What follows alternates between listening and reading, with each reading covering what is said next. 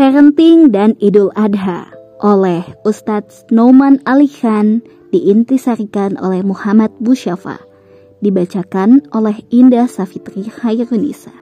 Sudah menjadi kebiasaan bagi kita ketika saudara kita, teman kita mendapatkan kelahiran seorang anak, maka kita akan menyampaikan ucapan selamat atasnya. Begitu juga di dalam Al-Quran. Allah Subhanahu wa Ta'ala sering memberikan selamat kepada para nabi ketika mereka memiliki keturunan.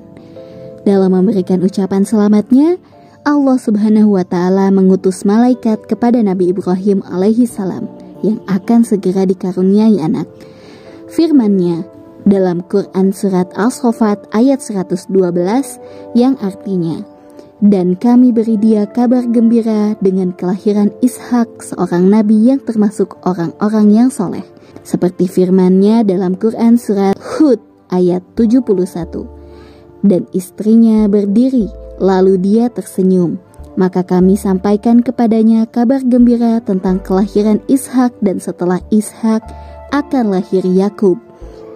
Pada bagian surat Hud di atas, Allah Subhanahu wa taala tidak hanya memberi selamat kepada Nabi Ibrahim alaihi salam atas kelahiran Ishak alaihi salam saja, tetapi juga karena setelah Ishak alaihi salam akan lahir Yakub alaihi salam dan selanjutnya. Nabi Ibrahim alaihi salam akan menjadi seorang kakek dari anaknya yang nanti akan lahir. Ketika berita kelahiran Nabi Ismail alaihi salam disampaikan, Nabi Ibrahim alaihi salam sudah tua. Lalu ternyata beberapa tahun setelahnya masih diikuti dengan kelahiran Nabi Ishak alaihi salam. Bahkan setelah itu akan datang cucu-cucunya. Berita mengejutkan ini telah membuat istri Nabi Ibrahim alaihi salam terheran-heran.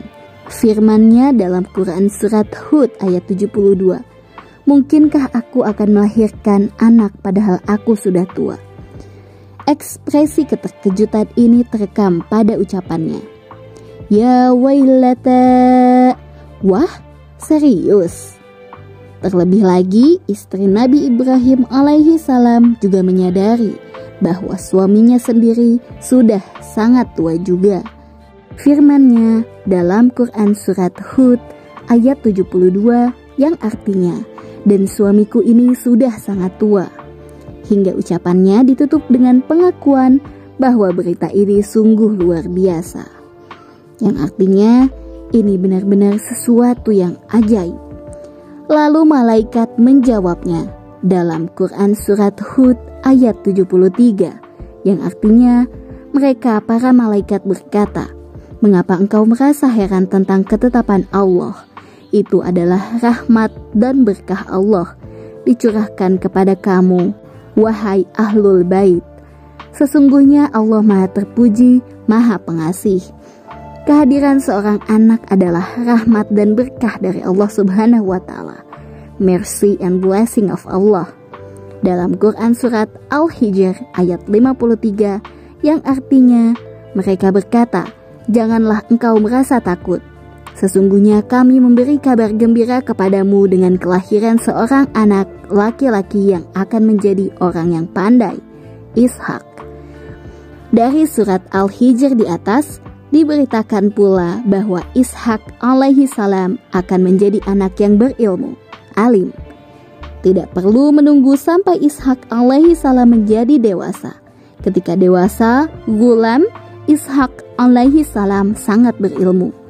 Lalu berbicara tentang Ismail alaihi salam dalam Quran surat As-Saffat ayat 101 yang artinya maka kami beri kabar gembira kepadanya dengan kelahiran seorang anak yang sangat sabar, Ismail. Ayat ini mengidentifikasikan Ismail sebagai gulamun halim, anak yang lembut, yang sekaligus merupakan bantahan terhadap ahlul kitab yang mengatakan bahwa Ismail adalah seorang anak yang kasar. Kitab Kejadian 16 ayat 11 sampai 12. Sementara kelahiran Ishak alaihi salam dalam Al-Quran diidentifikasi dengan kata gulamun alim, anak yang berpengetahuan. Begitu luar biasa sifat halim yang ada pada Ismail alaihi salam, tidak memberontak, bahkan merelakan dirinya dikorbankan demi menjalankan perintah ilahi. Dari keturunan Ismail alaihissalam ini lahirlah junjungan besar kita Muhammad Shallallahu alaihi wasallam yang tidak dapat disangkal lagi mewarisi sifat halim. Wallahu alam bisawab.